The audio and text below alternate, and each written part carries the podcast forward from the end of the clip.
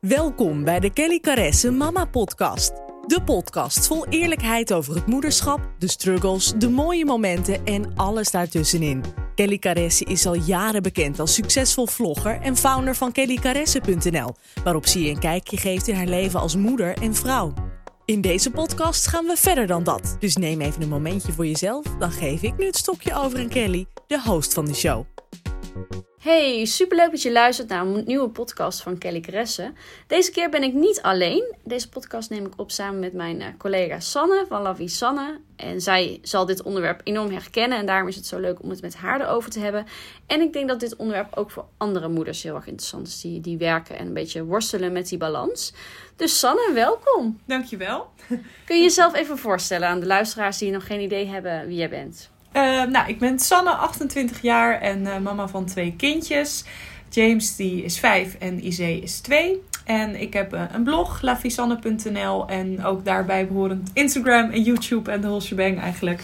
En ja, dat doe ik nu. Ik zat laatst na te denken hoe lang ik nu... Ja, nu toch zes, ja, zes jaar wel. Oh, vijf ja. zes jaar mee bezig. En ja, ontzettend leuk. Leuk om hier te zijn en vandaag dit onderwerp met jou te bespreken. Ja, hartstikke leuk. Want we gaan het hebben over de balans als uh, werkende moeder en in dit geval ondernemende moeder in combinatie met kinderen. En uh, ja, wij doen allebei hetzelfde werk. Dus dat wil zeggen dat we. Um, uh, dat we dus nou ja, online um, content delen, vlogs, blogs, Instagram, dat soort dingen.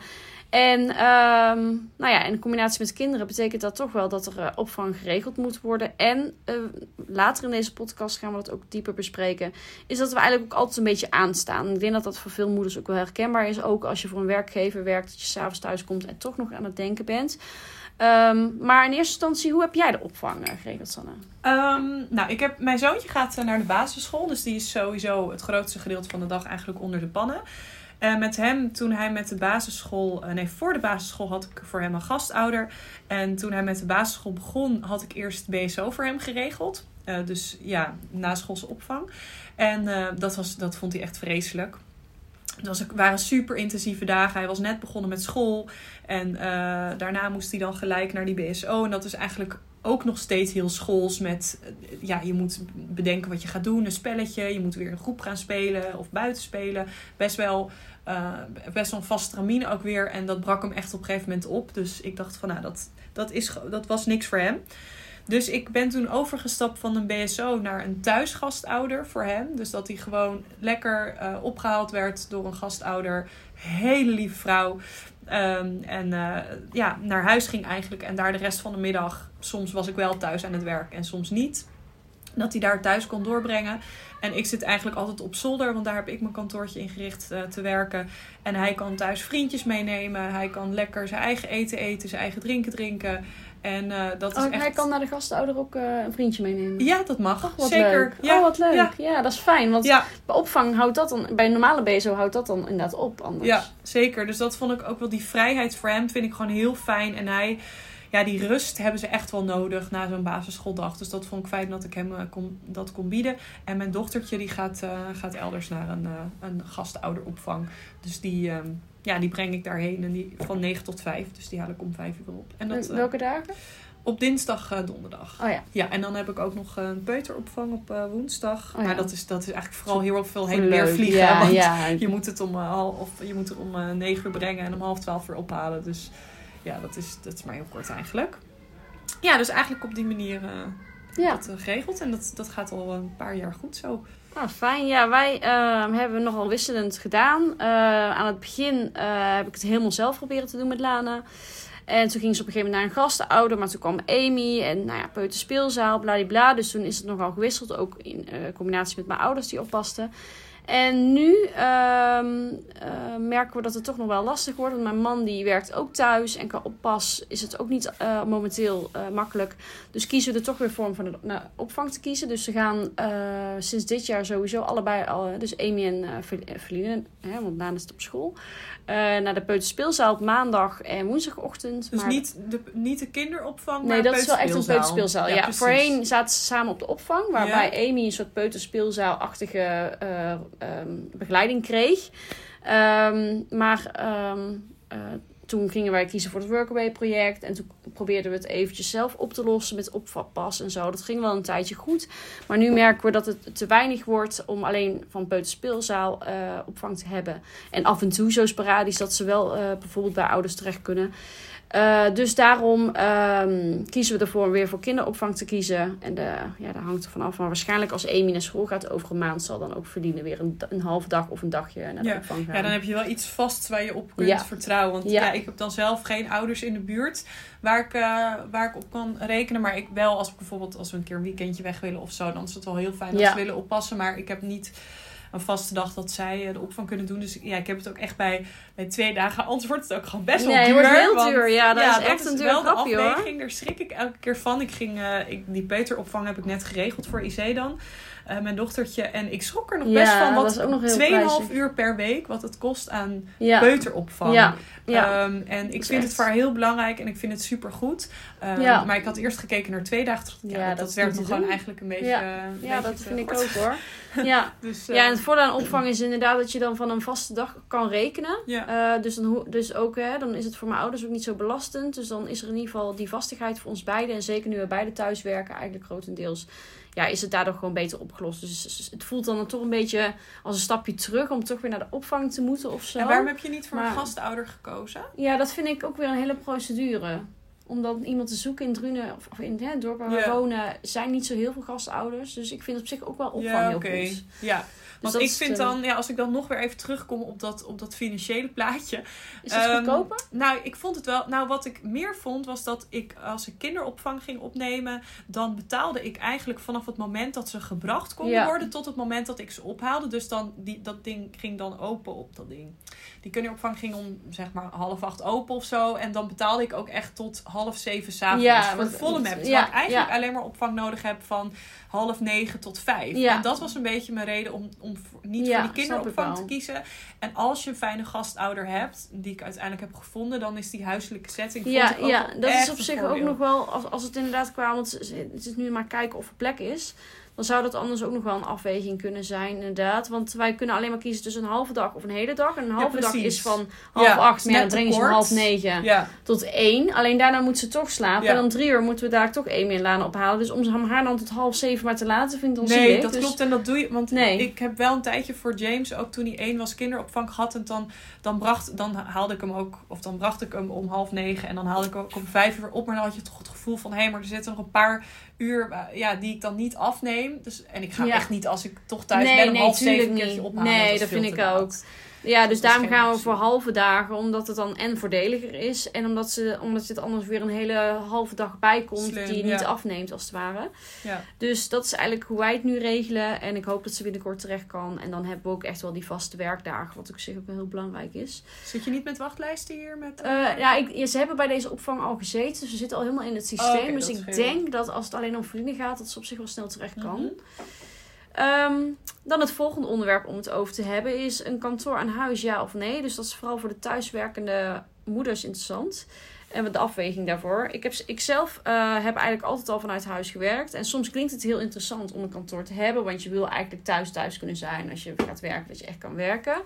Maar mezelf kennende neem ik dan toch mijn laptop mee naar huis. Ja. Ga ik toch s'avonds nog even editen, Ja. nog even dit doen. Wat je niet af hebt gekregen Nee. tot thuis doen. Ja, en dat je dan Ja. niet de voordelen hebt van het hebben van een kantoor. Hoe, eh, hoe ervaar jij dat? Ehm, ik heb het wel ehm, eh, overwogen, een kantoor buiten huis. Maar ook vanwege het aspect ehm, eh, een beetje collega's. Ja. Want ik, ik Ja. ben op zich wel ik, mens-mens, zeg maar. Ik vind het altijd gezellig om onder de mensen te zijn. En ik vind thuiswerken met een kantoortje aan huis kan best wel, best wel alleen zijn soms. En als je van die flexplekken hebt, een kantoor met anderen die een beetje hetzelfde doen Maar als is jij. dat in jouw omgeving?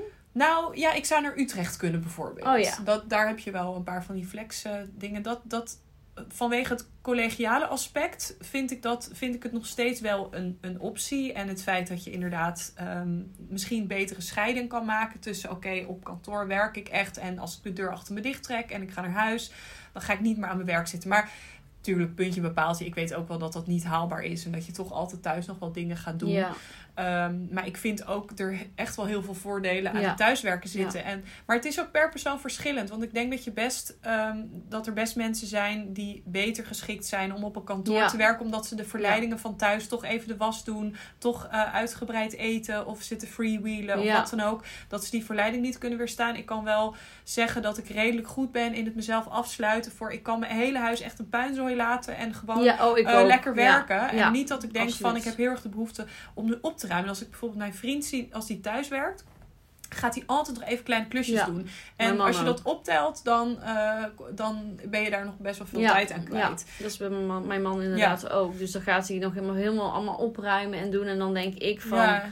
Nee, mijn prioriteit ligt dan echt bij werken. En de rest kan ik echt een teringzooi laten. ja, dus dat is wel heel fijn dat wij het kunnen. Want dan, dat maakt Dat is voor onze uit. mannen een grote Ja, frustratie. precies. Maar precies. Maar wij, ik kan daar echt me heel erg voor afsluiten. Ik heb het zelfs ook met kinderen. eh, als ze dan best wel druk zijn en aan het spelen zijn op de achtergrond. Dan heb ik een modus gevonden dat ik toch even een Ja. artikeltje kan Ja. tikken. Terwijl zij in alle drukte bezig zijn. Ja. Ja, en voor ons werk, want wij zijn natuurlijk allebei influencers. Dus ehm, het is vaak een fotootje maken terwijl je bijvoorbeeld eh, in de keuken iets aan het bereiden bent met een bepaald merk. Of je moet even een foto met de kids dat je daarmee aan het spelen bent, whatever. Dat zijn toch dingen die je niet op kantoor kan doen. Nee, Dus heel veel samenwerking die we hebben kun je in een eigenlijk... huiselijke, daar Ja. heb je een huiselijke setting Ja. voor nodig. Dus Ja. dan zou je het op een kantoor wel kunnen uitwerken, maar je kunt daar niet content maken.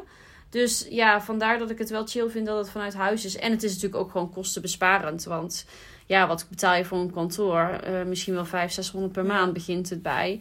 Ja, dat hou je toch in je zak als je die ruimte in je eigen huis hebt. Dus misschien ben ik een beetje een krent. Maar ja, zo denk ik er toch wel over na als ik kijk wat dat op jaarbasis Ja, is. zeker. Ik, dat zijn ook wel afwegingen ehm, die ik maak.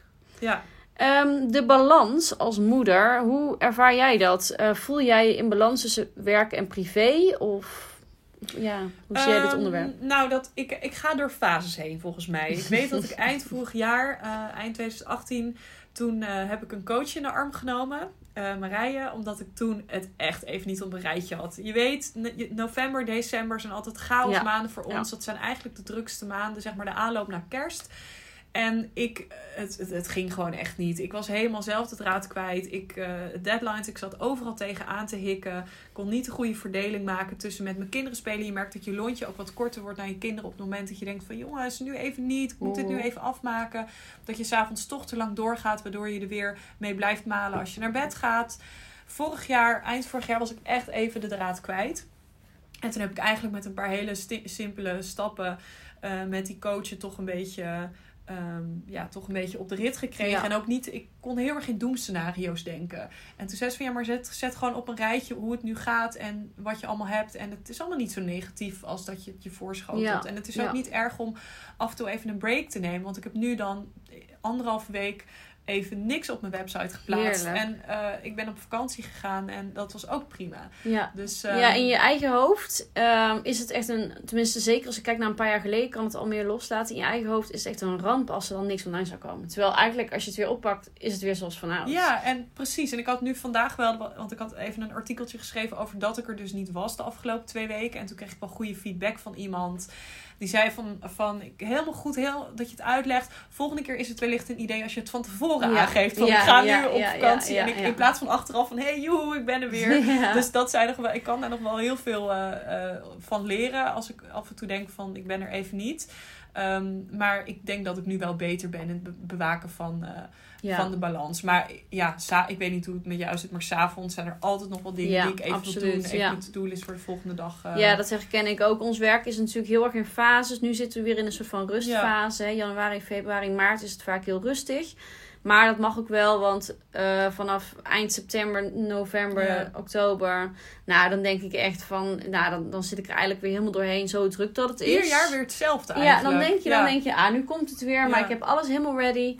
Maar ehm, ehm, ja, dat gaat in fases, dus nu ehm, is het wel, wel wat rustiger. Maar ik heb wel geleerd, en ook wel via Marije, want toevallig coach je mij ook, dat het ook oké is om soms dingen los te laten. En dat het, dat, dat het inderdaad, als je het vanuit veraf, een helikopterview bekijkt, dat het niet zo'n wereldramp is als er dan inderdaad een keer geen, geen podcast of geen eh, blog of whatever online komt. En dat je steeds moet blijven af, afwegen van wat maakt me op dit moment blij en wat heb je nodig. Ja. Dat je daar dan aan toegeeft.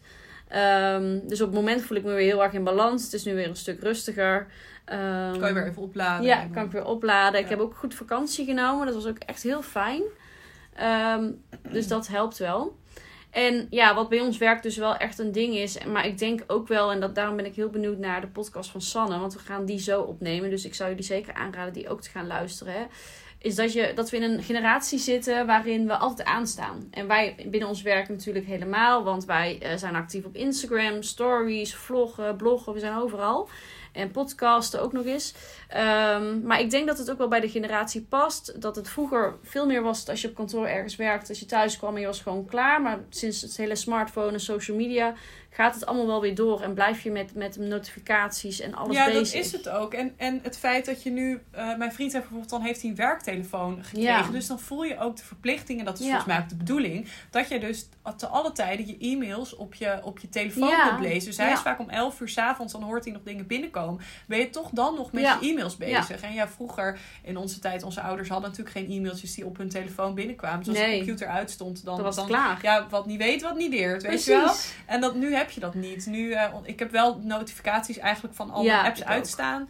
En ik heb WhatsApp ook, eh, ook op mijn laatste scherm staan, waardoor ik daar ook niet, eh, niet te onrustig van word. Ja. Maar dan nog, op het moment dat je dan weer even die notificaties wel gaat checken en je apps bij langs loopt, ja. dan, dan kan er inderdaad wel ineens heel veel staan en dat kan je een onrustig gevoel Ja, geven. Maar ja, ook dat probeer ik nu wel iets meer los te laten. Hoe erg is het wanneer je een keer een e-mail een dag later antwoordt of een WhatsAppje een dag later antwoordt of gewoon even tegen iemand zegt van joh, eh, ik kom erop terug, maar niet vandaag. ja, Ehm, precies. ja. Dat, dat je dat wel eh, gewoon echt kijken naar wat, wat jou op dat moment eh, rust geeft Ja, of zo. Want ja. ik ben, volgens mij zijn we allebei wel een beetje onrustige persoonlijkheden Ja, ja, van heel onszelf. chaotisch. Best wel En soms is het ook zo, als je dan, dan denk je, als ik maar nu gewoon al antwoord, dan zit het niet meer in mijn hoofd en ben je er klaar mee. Maar ja, daardoor blijf je er ook wel weer mee bezig. Ja.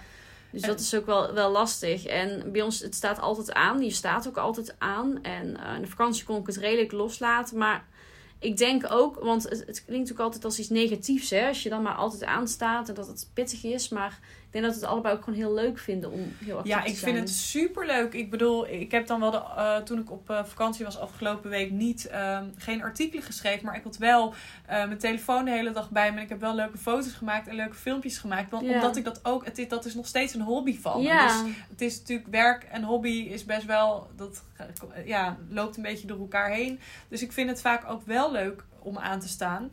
Ehm, maar dat, dat hangt echt van de setting af. Kijk, Ja. ik ga dan op vakantie niet eh, artikelen tikken nee, elke dag. en maar mails beantwoorden Nee, en zo. precies. Maar een Instagrammetje hier of daar of een Ja, storytje hier of vind daar. ik Ja, ook. weet je, het kost niet super veel moeite. Nee, de- inderdaad ook. Want andere mensen die niet dit, dit werk doen, zitten ook op Instagram en ook op Facebook. Mhm.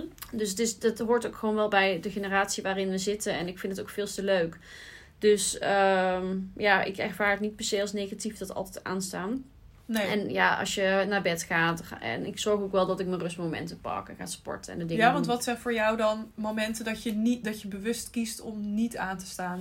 Ehm, nou, bijvoorbeeld ehm, als ik lekker op tijd naar bed ga. Ga ik een boekje lezen. En dan Eh, ga je dan na dat boek lezen nog op je telefoon? Of je legt. Nou, soms wel, soms niet. In principe zou het natuurlijk de ideale situatie zijn als ik dat dan niet meer zou doen. Maar soms wil je dat, soms dan wil ik eerst mijn wekkers nog Ja. zetten. Ja, Dus ik, ik doe altijd een meditatie, zet ik aan, waardoor ik heerlijk slaap. Nou, dan zie ik weer een appje. ja dat, maar dat is de valkuil ook. Ja. ja. Ja. Dus ja, maar als het dan uitstaat, dan kan ik ook wel gewoon goed slapen. Het her- Kijk, ik kan me voorstellen als je echt slaapproblemen hebt, dat het voor je heel verstandig is om die telefoon gewoon beneden te laten, bijvoorbeeld. Maar ik heb daar geen last van. Nee, dus dan is de noodzaak ook niet Nee, zo nee, hoog inderdaad. inderdaad. Ja. Dus ik denk dat het ook wel echt een beetje hoort bij de generatie waarin we zitten. En, ik, en tot nu toe word ik er gewoon heel erg blij van en heb ik er geen last van. En ik kan er altijd nog voor kiezen om het te gaan minderen. Maar ik vind het gewoon veel te leuk. Ja. En houd je wel eens bij hoe vaak je dan eh, op... eh, ja, je hebt van die dingen die Schermtijd. registreren hoeveel Nou, je dat, dat waar... heb ik wel eens eh, bijgehouden, maar dat word je niet heel vrolijk van. Nee, stom. hè. Aan de ene kant denk je, als ik er echt iets aan zou willen veranderen, dan, Ja. dan moet ik dat misschien wel eh, in de gaten Ja, houden. maar- Aan de andere kant is het ook confronterend. Ja, maar voor mij is het ook ontspannen om lekker op YouTube video's van anderen te gaan zitten kijken. Of eh, eh, soms zit ik. ik doe bijvoorbeeld ook cursussen online. Dat gaat dan via mijn mobiel. Of navigeren gaat via mobiel. Ik zit in de auto. Spotify Ja. gaat via mijn mobiel. Dat wordt allemaal bij die schermtijd opgeteld. Ja, Ja, dan wordt het nog dramatischer. Ja, ja. Dus ik heb het maar gewoon uitgezet. En ik voelde nu goed oké ja, oké bij. En in december was het wel gauw too much. Toen we nog veel meer werkten. Maar op zich, ja, voel ik me er wel oké bij. Hou Ja, jij het bij?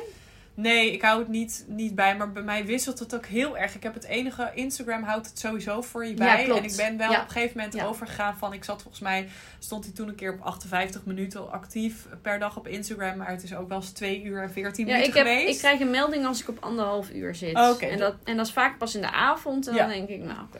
Dat, dat is oké dan inderdaad. Ja, zeker Ja. als je, je werk op Instagram is. Ja, dat is ook zo. Ja, dus van Instagram weet ik het redelijk, maar voor de rest vind ik het ook niet zo noodzakelijk om bij te houden. En omdat ook ik heel veel dingen op mijn telefoon doe, soms hele artikelen tik Ja. op mijn telefoon. Oh, ja, echt? hoe Oh, representatief cool. is Ja. het dan om, ja, als ik onderweg ben of in de trein zit, weet je wel. Oh, slim, Dat ja. soort dingen.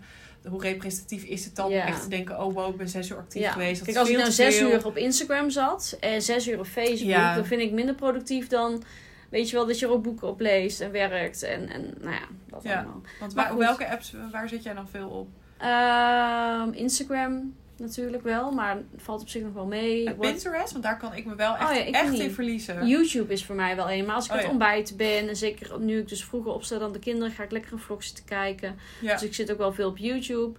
Ehm, soms lees ik boeken via mijn telefoon, via de Kobo-app. Eh, of via mijn e-reader, maar dat is net wat ik dan bij heb. Dus Ja. en dat synchroniseert gewoon. Ehm, Spotify gebruik ik heel veel. Ja, ja, inderdaad. Vind ik ook lekker. Ja, en navigeren ook eh. gewoon soms omdat ik wil weten hoe laat ik ergens aankom. Niet omdat ik dat adres dan niet weet. Maar, Nee. Maar goed, dankjewel Sanne. Oh, zijn we alweer door ons? Ja, we zitten echt weer super lang te kletsen. Ja. Ehm, ze kunnen, eh, jullie luisteraars kunnen Sanne vinden op Instagram via Lavisanne en op de blog lavisanne.nl en op YouTube dezelfde naam. Ja. Op de podcast heet het La Visanne vertelt. Ja, en die Ja. kun je dus ook vinden via Spotify, Soundcloud waarschijnlijk. Ehm, Soundcloud weet ik Ja, eigenlijk ik, ik niet. upload hem in Soundcloud, dan gaat hij automatisch op ja, iTunes ik, en Spotify. ik in Anchor en dan gaat Oh, hij eh, in Spotify en eh, de Apple podcast. Oh, ja. eh, dat is het belangrijkste. ja, dus daar kan je, hem gewoon, kan je haar gewoon vinden, hem. Het.